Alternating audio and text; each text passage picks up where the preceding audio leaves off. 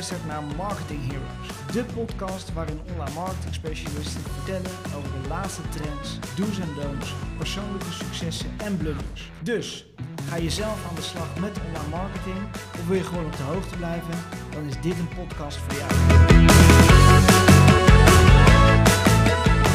Hoi allemaal, leuk dat je weer kijkt en luistert voor de podcastluisteraars onder ons eh, naar weer een nieuwe aflevering van Marketing Heroes, waarin ik in gesprek ga over allerlei marketingthema's. Mijn naam is Barbara, ik ben commercieel manager bij Endeavor Heroes en vandaag ga ik in gesprek met onze hero Dion. Dion is onze e-commerce specialist. Dion, zou jij jezelf even kort kunnen voorstellen en even vertellen wie je bent en wat je doet? Natuurlijk, dankjewel Barbara voor deze mooie introductie. Mijn naam is dus Dion, 25 jaar, woonachtig in Haarlem. Ik ben nu sinds zes maanden actief bij Endeavor Heroes. Uh, daarnaast heb ik al een jaar of drie, vier mijn eigen kledingmerk. Uh, en zodoende eigenlijk de nodige ervaring opgedaan op e-commerce vlak. En ik help ook verschillende klanten met hun e-commerce vraagstukken of hun performance marketing vraagstukken. Uh, dat is waar mijn interesse ligt en dat is waarin ik mij uh, ontwikkel en verder hoop te ontwikkelen ook. Ja, en dat is ook waar we jou als hero natuurlijk bij heel veel opdrachtgevers inzetten. Maar kan je me wat meer vertellen over jouw eigen bedrijf? Hoe is dat, hoe is dat ontstaan? Ja, natuurlijk. in 2018 begon het eigenlijk met een idee dat ik met een paar vrienden had. We hadden allemaal interesse in kleding. We waren allemaal creatief onderlegde jongens. En we wilden eigenlijk een combinatie maken van onze creativiteit met ons ondernemerschap. Mm -hmm. uh, en van daaruit hebben we eigenlijk de eerste opzet gemaakt van een, een merk of een bedrijf. Dat uh, hebben we toen Micheman genoemd. Dat was uh, Frans voor halfweg. Okay. Want uh, nou ja, 50% van de jongens die erin zat, die zijn geboren en getogen in het kleine dorpje Halfweg, nabij Haarlem. En we vonden het eigenlijk wel goed klinken. We vonden het heel mooi klinken. Uh, en daarom hebben we eigenlijk gekozen voor die naam. En toen zijn we begonnen met het bedrukken van t-shirts, van hoodies. Uh, met onze eigen designs, onze eigen prints. Uh, ja, en van daaruit eigenlijk op een soort van natuurlijke manier hebben we onszelf ook weten ontwikkelen op ondernemersvlak. Gewoon met vallen en opstaan. Uh, kom je uiteindelijk verder. En uh, dat is een beetje hoe het, uh, hoe het toen destijds begonnen is. En dat is natuurlijk heel veel online, want je verkoopt je kleding online. Ja. Wat zijn nou de grootste uitdagingen die je daar bent tegengekomen? Ja, het is denk ik als je begint met ondernemen op zo'n jonge leeftijd. Ik was toen een jaar of 19. Nou, je hebt nog niet echt heel veel levenservaring of überhaupt ervaring met, met wat dan ook. Dus je doet eigenlijk maar wat. Mm. Uh, je moet een website hebben, dus je neemt misschien iemand in de hand om je website voor je te maken. Uh, zonder dat je daarbij echt nadenkt over wat zijn daarvan eventueel de kosten. Of als ik daar tijd in zou investeren, zou ik dat dan misschien niet zelf ook kunnen. Uh, nou, dan heb je misschien een website, dan komt het hele plaatje, oké, nu heb ik een website. Dan moet je opeens allemaal productfoto's gaan maken. Dus dan moet je dan een fotograaf inhuren of ga je dat ook zelf doen. Uh, dan heb je productfoto's, dan moet het ook nog aan de man gebracht worden. Dus dan ga je een social media account beginnen. Uh, maar zo eigenlijk, eigenlijk gaandeweg kom je erachter dat er heel veel factoren meespelen voordat je eigenlijk een merk opgezet hebt. Dus wat dan in het begin denk je daar een beetje laconiek over. Tenminste, dat hadden wij met z'n vieren. Wij dachten gewoon, oh leuk, we gaan, uh, we gaan wat doen, we gaan ondernemen. Uh, maar eigenlijk gaandeweg kom je erachter van, oh, er komt eigenlijk best wel heel veel bij kijken voordat je iets in de markt gebracht hebt.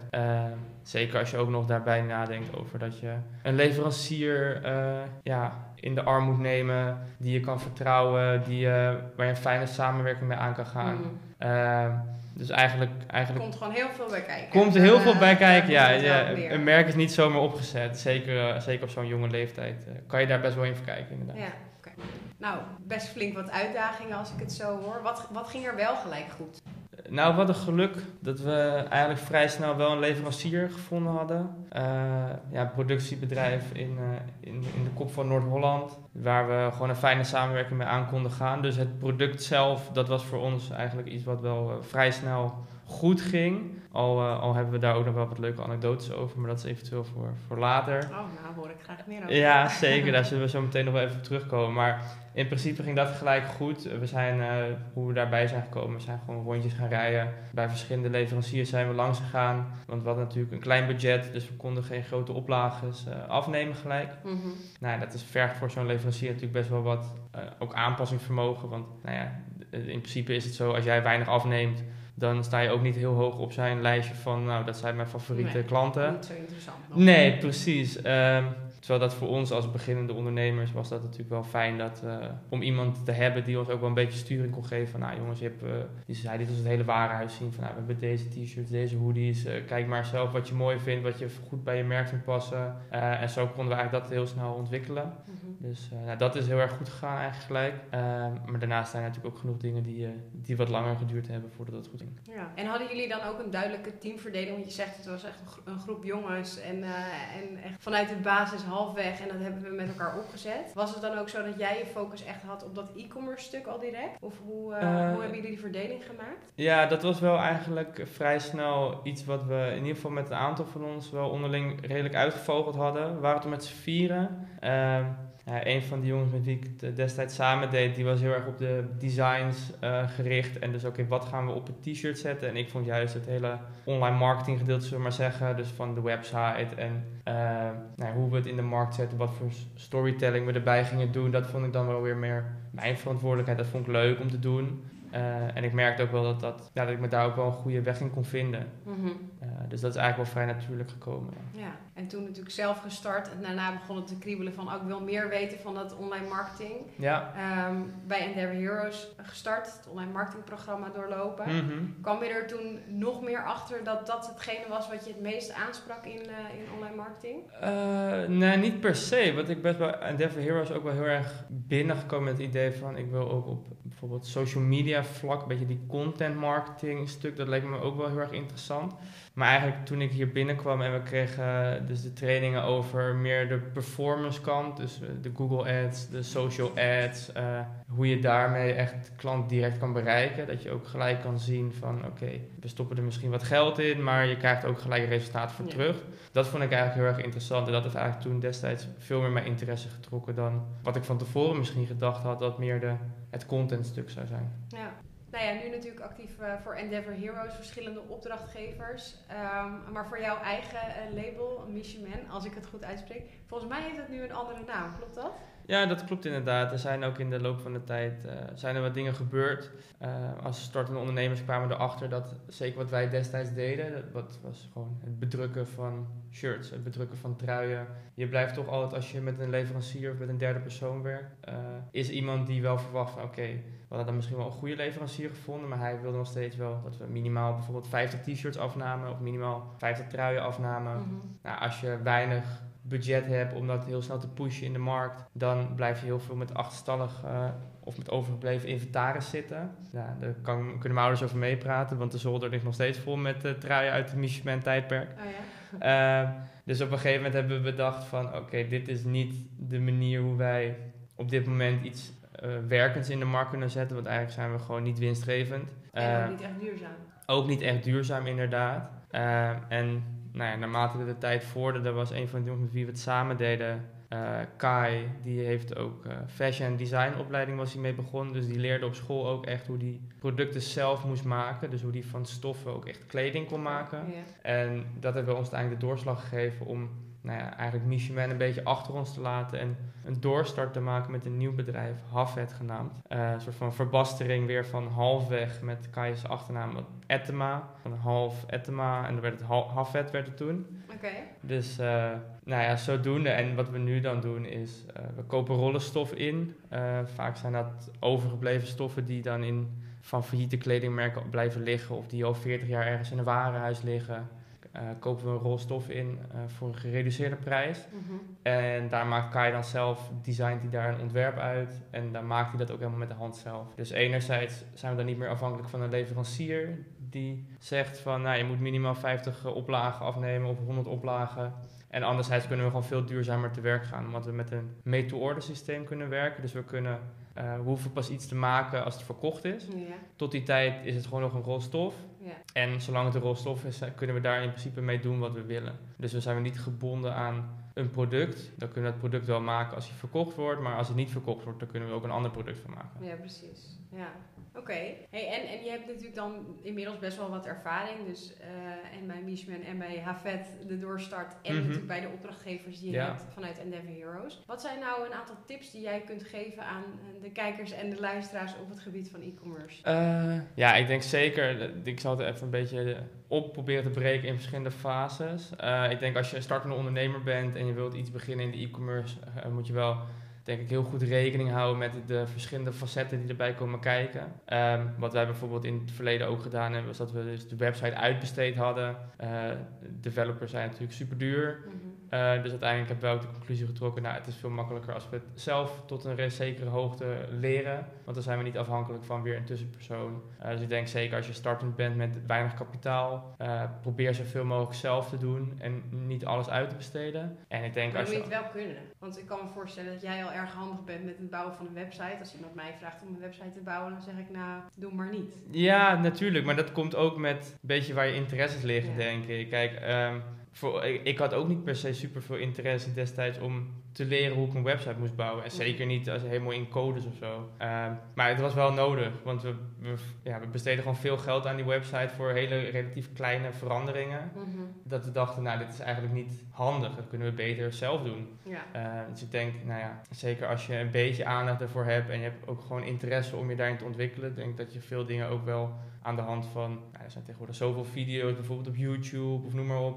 Die Podcast als podcasts deze. zoals deze inderdaad, eh, waarin je gewoon uitleg kan krijgen over hoe je bepaalde dingen moet aanpakken. En ik denk dat je heel veel ook uit zelfstudie kunt halen. Mhm. Ehm, en daarnaast denk ik, als je een e-commerce bedrijf al in de markt gezet hebt en je wilt het verder uitbouwen, ehm, ja, en je hebt zelf niet heel veel tijd, kijk dan echt, ga dan een goede samenwerking aan met iemand. Iemand die je vertrouwt, iemand waar je op kan bouwen, iemand die doet wat hij zegt. Ehm, zodat, ja, en neem ook gewoon, wees niet bang om eh, soms dingen uit handen te geven. Eh, want je kan niet alles zelf, dat hebben wij ook gemerkt. Jij, op een gegeven moment moet je toch keuzes gaan maken. Als je alles zelf wil doen, dan ga je op een gegeven moment ook dingen links laten liggen. Dus dan kan je toch beter wel ervoor kiezen om een goed iemand eh, te selecteren en daarmee samen te gaan werken. Ja. ja, en ik kan me ook voorstellen dat je op een gegeven moment ook wel weet van oké, dit zijn de dingen die ik zelf wel heel erg leuk vind en goed kan. En dit zijn nou ja, facetten die ik liever uitbesteed. Ja, zeker. Ehm, dus daar kom je natuurlijk gaandeweg in zo'n traject ook wel, ook wel achter. Ja, absoluut. Nou, als ik het zo hoor, heb je echt best wel heel veel ervaring opgedaan. Enerzijds natuurlijk in je eigen bedrijven, maar ook eh, nou ja, bij Endeavor Heroes en de opdrachtgevers waar je, eh, waar je nu zit. Kan jij ons een paar tips geven over dat stuk e-commerce? Zeker. Ik denk dat het vooral onder te verdelen is in de verschillende fases waar je in zit. Mhm. Voor mensen die overwegen om iets in de e-commerce te doen, is het denk ik heel belangrijk om te kijken waar, wat er allemaal bij komt kijken. Dus wat heb ik precies allemaal nodig en dat ook vooral niet te onderschatten. Eh, zeker in de fase daarna, als je dan iets begonnen bent en je bent nog heel erg startend, eh, niet blindelings alles uit gaan besteden omdat je denkt dat een professional dat veel beter kan. Dat is misschien ook wel zo, maar het kost ook allemaal geld. Dus ik denk, en er is zoveel materiaal tegenwoordig voor zelfstudie, eh, dat je ook jezelf kan ontwikkelen. Kijk waar je energie uit haalt en probeer je op die vlakken gewoon zelf te ontwikkelen, dat je het zelf kan doen. En ik denk als je eenmaal verder groeit en het is niet meer haalbaar om alles zelf te doen, om dan niet eh, blindelings mensen in de hand te nemen, maar om echt te gaan kijken, wat is een goede match, wie past goed bij de bedrijfscultuur, wat is iemand die ik kan vertrouwen en dan echt een, een, goede samenwerkingspartner te vinden en daar ook mee eh, in zee te gaan. Ja. Zoals bijvoorbeeld een Endeavor Heroes. Zoals bijvoorbeeld een Endeavor Heroes Ja. of een marketing agency of noem maar op, maar ja, ik denk dat het voor een bedrijf wel belangrijk is dat je iemand vindt met een goede fit die Ja. ook bij je bedrijf past. Oké, dat waren een paar mooie tips. Zijn er daar ook echt een soort van don'ts die, eh, nou ja, die jij bent tegengekomen of die je veel voorbij ziet komen van, ja, in, in dat e-commerce gebied? Ja, zeker. Er zijn gewoon een aantal dingen in de markt die je ziet wat gewoon heel erg belangrijk is op dit moment. En nou ja, eigenlijk dus tegenovergestelde van- daarvan zijn dus de don'ts. En zeker denk ik eh, de tijd waar we nu in zitten, dat heel veel online is. Eh, de klant is belangrijker dan ooit. Ehm, en het wordt al heel makkelijk om, om elke klant als een nummer te gaan zien. Zeker als het goed gaat met, eh, met je bedrijf.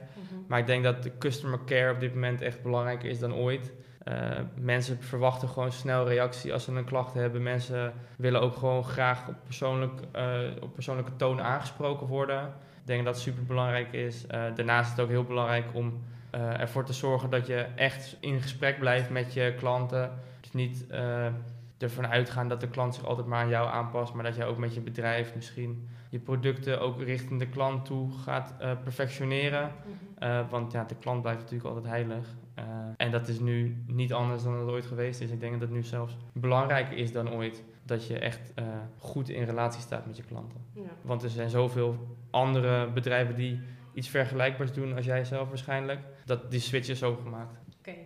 Ja, het is eigenlijk wel interessant wat je zegt. Want in de vorige aflevering heb ik het met Puk ook gehad over social media Mhm. en, en het stukje community management. Hoe doe je dat nou? Dus in dat contact blijven met, eh, met, je, nee, met je klanten ehm, en daarop als bedrijf anticiperen. Ik denk dat het vooral gewoon heel erg is dat je ook de tijd neemt om je daarin te verdiepen. Ehm, niet, kijk, er zijn nog heel veel bedrijven die social media als een soort van secundair iets zien naast hun bedrijfsvoering. Iets wat erbij moet, omdat het nou eenmaal de trend is nu. Iedereen zit op social media. Maar ik denk dat het is echt een vak apart. En als mensen iets niet goed vinden aan je product, of als mensen bepaalde klachten of opmerkingen hebben, uh, mensen op internet tegenwoordig, die gaan dat toch wel zeggen. En ik denk juist als je daar serieus over nadenkt en daar ook serieus op ingaat met je klanten. Uh, iemand stuurt jou een bericht met, uh, hey, dit of dit viel me op aan jouw product. Hoe zit dat? Nou, dan moet je dat niet drie weken laten liggen. Dan moet je dat gewoon oppakken. Mhm. En juist dat gesprek dus aangaan met je klanten. Want daar kan je hele waardevolle dingen ook uithalen. Ja, ja, want ik kan me wel voorstellen dat in eerste instantie als je een klacht binnenkrijgt, dat je daarvan denkt, oh, ik schrik, ik schrik ervan en ik stop het weg. Ja, maar dat zeker. is juist een heel mooi contactmoment, of kan een contactmoment zijn, om zo'n klant eigenlijk nog meer aan je te binden door zeker. echt te luisteren naar wat diegene te zeggen heeft en daar uh, je lering uh, Ja, uit te trekken. Zeker, nee, dat is ook wel iets wat we zelf ook wel ervaren hebben. Uh, we hebben wel eens dat we dan een sale hadden. En dat er dan een product verkocht was, maar we hadden helemaal geen inventaris meer van dat product. Oh, uh, dus het product was er helemaal niet meer. Maar het werd wel verkocht, want we, ja, we hadden het niet op de website uitgezet. Uh, nou, dus we hadden ook, nou, dan moet je ook dus naar die klant toe gaan. Als je dan die orders ziet binnenkomen en je denkt, oh, ik heb, we hebben, die hebben niet meer liggen. Nee. Uh, dus eigenlijk is het dan een negatief uh, moment wat je dan met zo'n klant hebt. Maar als je daar juist op inspeelt, wij hebben destijds hebben we gewoon de waarde van hetgene wat gekocht was, hebben we sowieso als de goedbon uh, naar die klant gestuurd. En daarnaast hebben we nog extra korting gegeven voor de volgende aankoop. Mm -hmm. En zo kan je eigenlijk van iets wat heel erg negatief is in eerste instantie, kan je daar toch nog een positieve wending aan geven. En dan kan je eigenlijk die relatie met die klant nog sterker maken dan dat het daarvoor al was. Ja, precies. Ja, Oké. Okay. Hey, en dat, dat klinkt wel een klein beetje als een, uh, als, als een blunder, hè? de voorraad niet op orde. Ja. Uh, zijn er verder nog blunders die jij zelf hebt, uh, hebt gemaakt? Oh, ja, de nodige. Tell me more. Tell me more. Nee, daar kunnen we zeker over vertellen. Nou, wat ik dus net al zei, producten verkopen die je niet meer hebt liggen, dat is heel onhandig. Um, daarnaast bijvoorbeeld uh, een kortingscode aankondigen, maar vergeten de kortingscode door te voeren op je website. Oh. Ook heel onhandig. En daarnaast hebben we op een iets serieuzere toon, hebben we, ja, we hebben ook wel eens uh, fouten gehad met een design. Dat we bijvoorbeeld een design op een t-shirt wilden laten printen, maar dat we de verhoudingen of de positie niet hadden gewijzigd per maat. Oh. Dus zeg maar, het logo zat op hetzelfde plek, maar de t-shirts waren natuurlijk een ander formaat. Het zat op Oh, hele, op hele andere plekken op een t-shirt. Nou, dat soort dingen, dat is natuurlijk super zonde, want daar gooi je gewoon een hele batch shirts, kan je gewoon gelijk weggooien eigenlijk. Ja. Want dat is gewoon niet kloppend. Dus uh, nou ja, dat zijn wel een... Uh, Maar dat was bij Michiman natuurlijk, denk ik, het geval. Ja, dat was bij Michiman. Bij Havet nooit aan de orde. Dus Nee. inderdaad van, is er wel een rol beschikbaar die we, die we kunnen gaan gebruiken? Ja, precies. Nou, dat zitten we ook wel eens van. Een, we hebben natuurlijk een aantal dingen op de website staan. Um, en daar hebben we geen voorraad van, maar wel rollen stof.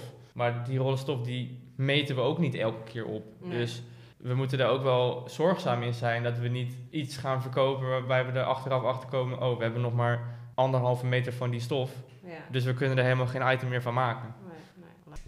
Als we kijken naar de markt, wat zijn nou e-commerce partijen waarvan jij zegt, die doen het echt vet? Uh, ik denk zeker Coolblue is eentje die gelijk aan mij opkomt. Mm -hmm. Uh, hebben gewoon altijd leuke reclames. Het is pakkend, het is catchy. Uh, het triggert ook. Het is, een, het is een merk met een hele positieve uitstraling. Uh, dus ik denk dat Coolblue, zeker op de Nederlandse markt, een van de, van de betere spelers is. Daarnaast internationaal denk ik dat IKEA altijd op een hele goede manier in weet te spelen op dingen die gaande zijn. En ook niet bang zijn om zichzelf door te ontwikkelen. Uh, die zijn nu ook heel erg bezig met bijvoorbeeld uh, livestreams en dergelijke. Samenwerkingen met uh, Twitch gamers. Nou, dat zijn echt dingen waar. dat? Ja, dat zijn ja, dus mensen die gamen op het platform Twitch. dat is echt een hele community op zich. Maar er zijn heel veel merken die daar, daar dat niet in de hand zouden nemen. Maar IKEA die is wel van stoer in dat ze dat wel gewoon doen. Zijn niet bang om nieuwe dingen uit te proberen. Uh, en ik denk dat, die, ja, dat ze daardoor ook altijd wel relevantie zullen houden op de wereldmarkt. Ja, blijven uh, vooruitstreven. Ja, ja zeker. Maar goed, dat zijn natuurlijk best wel een beetje grote partijen die je daar noemt, Google ja. en Ikea. Zijn er ook kleinere merken waarvan je zegt van, ah, oh, die doen het echt wel heel erg goed, ondanks dat ze misschien nog niet zo'n hele bekende naam hebben? Uh, nou, misschien niet een hele onbekende naam, maar ik denk dat ik wil ze toch even genoemd hebben. Ik denk Daily Paper. Ja. Natuurlijk omdat het ook een kledingmerk is, ik dat ook wel leuk vind om dat te volgen. Uh, en naast Daily Paper heb je ook Filling Pieces, maar dat zijn gewoon echt Amsterdamse merken opgezet door Amsterdamse jongens uh, tien jaar geleden. Nou, je ziet het nu bijvoorbeeld met Daily Paper, die hebben ook een samenwerking met Ajax. Die hebben het uh, derde tenue dit jaar mogen ontwerpen. en die hebben ook een hele ja, mooie zeg maar, soort van kernwaarden die ze ook de wereld in zeg maar, uiten. Dus hun hele Afrikaanse heritage wat ze hebben, zeg maar. Ik denk dat ze dat heel sterk hebben aangepakt. Dat ze echt hun eigen verhaal hebben verteld. Heel authentiek zijn gebleven. Mhm. En dat ze daardoor zoveel mensen daar een soort van bepaalde feeling bij krijgen. Dus ik denk dat dat Filling Pieces en Daily Paper, dat dat wel twee van Nederlands, uh, ja, van recent opgekomen merken, dat die twee toch wel echt heel sterk doen. Ook heel veel mooie samenwerkingen met andere mhm. merken gedaan hebben. En ik denk dat daar ook hun kracht heel erg zit. Zij weten heel goed merken te identificeren om mee samen te werken. Ja. En ik denk dat dat ook wel een van de trends is wat je veel vaker terug zal zien is gewoon samenwerkingen tussen verschillende merken. Uh, en ik denk dat deze twee uh, merken dat op de Nederlandse markt heel goed in de, daarop in mee te spelen. Dat zijn natuurlijk wel twee hele mooie, mooie merken die je, die je noemt. Uh, inderdaad bijzonder dat zij ja, eigenlijk heel dicht bij hun kernwaarden gebleven zijn en zelfs nu ze zo groot zijn dat ook aanhouden. een trend die jij noemde was dat um, ja, veel partijen ervoor kiezen om samenwerking aan te gaan. Um, als we het hebben over trends, wat voor trends zie jij nog meer in de e-commerce markt? Ja, ik denk dat het steeds belangrijker wordt om echt op elk kanaal wat er bestaat aanwezig te zijn. Uh, wat je ook steeds vaker ziet is dat klanten via verschillende kanalen in contact komen met je merk. Uh, of dat nou eerst TikTok, Instagram, Twitter, Facebook, een billboard buiten, een bushokje, noem maar op. Ik denk dat het heel belangrijk is om juist echt die omni-channel strategie heel erg te hebben. Dat je echt op elk kanaal soort van dezelfde uh, waardes uitstraalt. Mm. Dat mensen dan van daaruit een veel beter beeld krijgen van wat je nou eigenlijk wil neerzetten met je merk. Ik denk dat een hele belangrijke trend is die uh, gaande is. Daarnaast wat ik net ook een beetje benoemde, uh, community management slash klantenservice ook via online kanalen. Niet alles hoeft via e-mail te gaan. Mensen verwachten ook gewoon als ze een bedrijf een DM of een tweet sturen, dat ze daar binnen het liefst eigenlijk binnen een uur antwoord op krijgen. Dat ze ook mhm. gewoon goed geholpen worden. Uh, en ja, de snelheid denk ik ook heel erg van hoe dingen gaan. Uh, klanten verwachten gewoon steeds meer dat ze dingen op een soort van convenient manier kunnen consumeren. Dus ook ja, bijvoorbeeld noem het uh, shopping via social media. Mensen willen niet meer uit de app gehaald worden, naar een andere app gaan, een website geladen worden en vervolgens weer helemaal terug te gaan moeten gaan naar hun social media kanaal. Ze willen gewoon betalen in hun app, op Instagram, op TikTok, noem het maar op. Alles is natuurlijk heel erg gebaseerd op gemak. Ja, heel erg. Ja. En ik denk dat het alleen nog maar meer en meer gaat worden. Ja.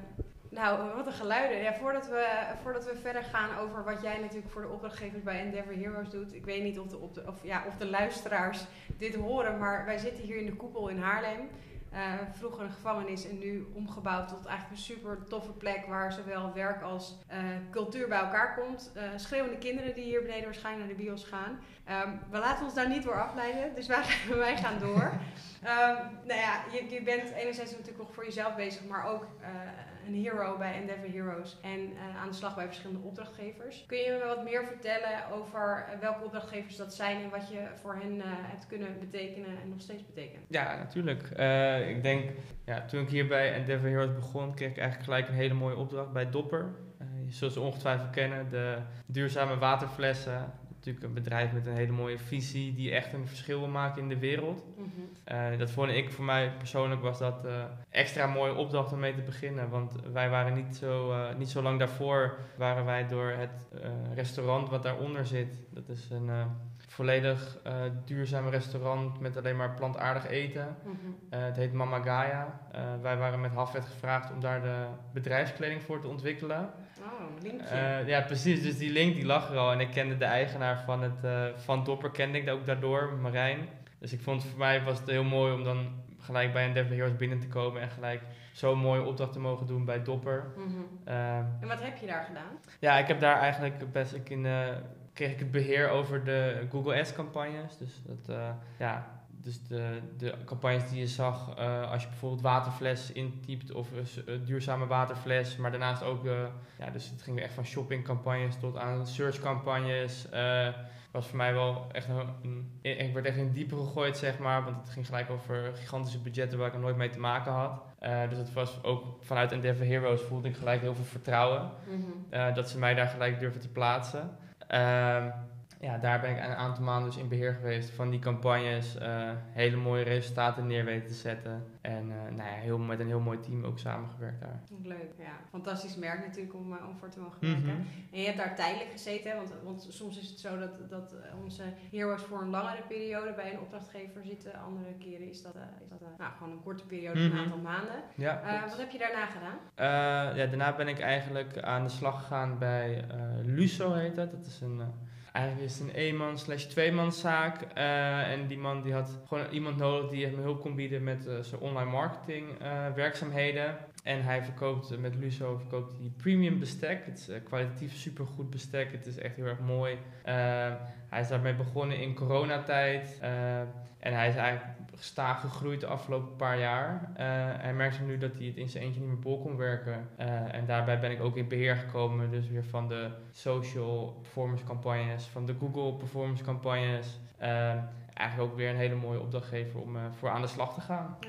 En eigenlijk beschrijf je daarmee die, die fase 3 hè, die je eerder hebt genoemd. Van, hij kwam op een punt dat hij het niet meer in zijn eentje kon opwerken, nee. zeg je. En toen heeft hij gekeken van oké, okay, wat kan ik uh, uitbesteden of welke samen, samenwerkingspartners kan ik opzoeken om nou ja, eigenlijk samen naar dat volgende niveau te komen. Ja. ja. precies. En ik denk dat daarom ook, wat ik ook weer in het begin aanhaal, dat dat heel belangrijk is om ook een goede fit voor je bedrijf te vinden. Hij heeft in het verleden ook al met bepaalde bureaus samengewerkt, maar hij merkte daar toch een bepaalde afstand. Mm -hmm. En hij wilde graag iemand uh, om mee samen te werken waar hij een korte lijn mee, korte lijn, uh, mee, ja, mee had, zeg maar. Dus waar mm-hmm. ook snel, snel dingen gefixt konden worden. Dat het echt een samenwerking zou zijn en niet van een opdracht aan iemand dat het uitgevoerd wordt en dat het dan daarna weer teruggerapporteerd mm -hmm. wordt. Maar dat het dus echt samen gedaan werd. En ja, de raakvlakken die wij gewoon heel erg hadden, is dat we eigenlijk allebei heel erg ondernemend ingesteld zijn. Dat we ook allebei wel een bepaalde visie hebben over hoe we bepaalde dingen willen doen. En dat we eigenlijk daar, daarop heel erg op één lijn zaten. Dus ik denk dat daardoor de fit onder, tussen ons twee ook wel heel goed is. Ja, superleuk. Zeker. Zeker, ja. ja. Oké, okay. ja, er zijn natuurlijk ook bepaalde tools nodig om, uh, om je werk te kunnen doen. Wat zijn de tools die jij uh, veel gebruikt?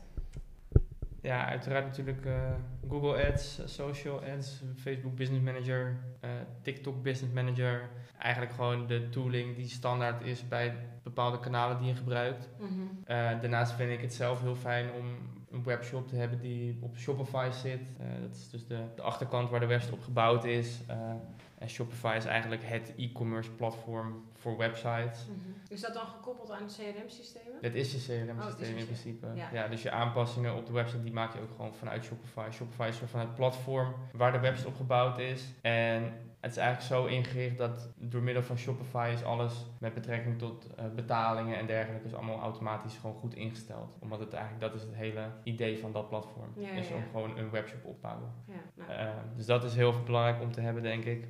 Uh, je kan natuurlijk ook een e-commerce op WordPress hebben met bijvoorbeeld een WooCommerce plugin. maar ja, ik vind zelf dat Shopify veel beter met de tijd meegegaan is en het allemaal veel gebruiksvriendelijker gemaakt is dan, dan dat het met WordPress bijvoorbeeld is. Daarnaast denk ik dat het heel belangrijk is als je goed e-mail uh, communicatieplatform hebt. Uh, Mailchimp is natuurlijk een van de bekendste. Mm -hmm. maar tegenwoordig heb je ook Klaviyo.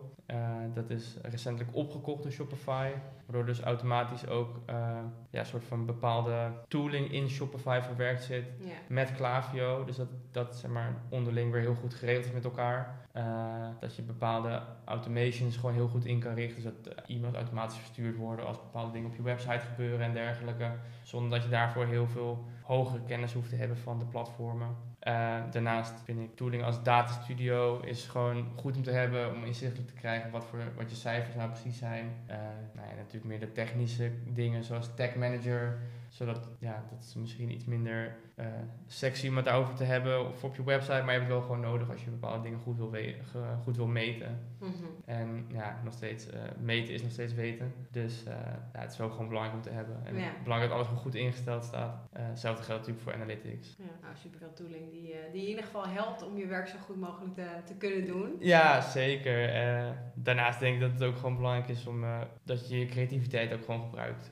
Dus je krijgt bepaalde tooling, maar gebruik ook vooral gewoon eh, je creativiteit. Want het is, kijk, het is natuurlijk leuk om een webshop te hebben, maar je gaat jezelf dus echt in de kijker spelen als je iets anders doet dan wat je concurrent doet. En als je gewoon uniek en authentiek bent. Mooi, ja. Hey, en als je het dan hebt, hè, want eh, ja, we hebben het al gehad over je eigen bedrijf, over wat je hier doet. Wat zijn nou jouw grote doelen nog op het gebied van e-commerce? Ja, mijn grote doelen zijn natuurlijk gewoon het verder uitbouwen van eh, het merk wat we in de markt aan het zetten zijn. Eh, wat we bijvoorbeeld gedaan hebben bij Mama Gaia, dat we dus voor een bedrijf ook eh, bedrijfskleding hebben kunnen ontwerpen. Dat lijkt me ook super tof om dat voor meerdere andere bedrijven te doen. We hebben nu ook een samenwerking lopen met een eh, ja, soort van creative designer uit Keulen. We zijn ook recentelijk dus daar langs gegaan eh, toen zij een evenement georganiseerd had. En in december gaan we er nog een keer heen. Dan organiseert zij weer een evenement en dan gaan wij ook daar de, de crewkleding voor, eh, ja, voor maken. Aan de hand van een design wat wij samen met haar ontwikkeld hebben. Oké, Dus dat wordt wel super leuk. En eigenlijk gewoon op verschillende ja, nieuwe plekken eigenlijk komen door middel van je merk. Dat is gewoon super leuk. En daar haal ik heel erg veel energie uit. Eh, ik was bijvoorbeeld nooit in Keulen geweest. En nou, hele leuke stad, hele leuke mensen daar, hele coole cultuur ook. eh, waar wij onszelf heel erg in konden vinden. Dus eh, ja, het is gewoon heel erg tof om op, eh, op plekken te komen waar je niet gedacht had dat je zou komen. nee, nee en, en weer inspelend op die trends die je net noemde. Dus die samenwerkingen aangaan om samen naar een hoger Ja, precies. Ja.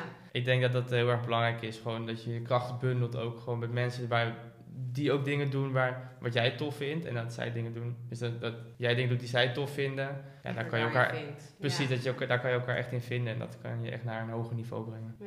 En als je het nou hebt over, eh, over opdrachtgevers bij Endeavor Heroes, wat zou nou echt een opdracht zijn die ik voor jou eh, binnen moet halen? Zet mij maar neer op de performance afdeling bij Daily Paper.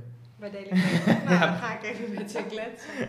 Nee, hartstikke leuk Dion om jou, eh, om jou vandaag wat meer te vragen en, en te weten te komen over, over e-commerce. Mhm. Ehm, ik hoop dat, eh, dat we daarmee de luisteraars en de kijkers thuis hebben geïnspireerd. Dat hoop ik ook. Als jij nog één kleine key take-out mag geven, wat wil je dan nog, eh, wat wil je dan nog kwijt? Oeh, ehm, wees niet bang om gewoon dingen te doen. Proberen, trial and error. Je gaat ongetwijfeld een paar keer op je bek. Maar belangrijk, als je, als je iets wilt doen, doe het gewoon. Dat is denk ik het belangrijkste. Want ook als je op je bek gaat, je leert er uiteindelijk het meeste van. Van de dingen die niet goed gaan. Zo is het. Dankjewel. Graag gedaan. Dit was het dan, weer een aflevering van onze Marketing Heroes, waarin we in gesprek gaan over allerlei marketingonderwerpen. Heb je vragen voor Dion over e-commerce? Stel ze dan vooral. Eh, abonneer je op onze kanalen, want dat is hoe het werkt, hè Dion? Dat hebben we vandaag geleerd. Ehm, en als je andere vragen hebt, kijk op onze website endeavorheroes.nl. En eh, we zien je heel graag bij een volgende aflevering.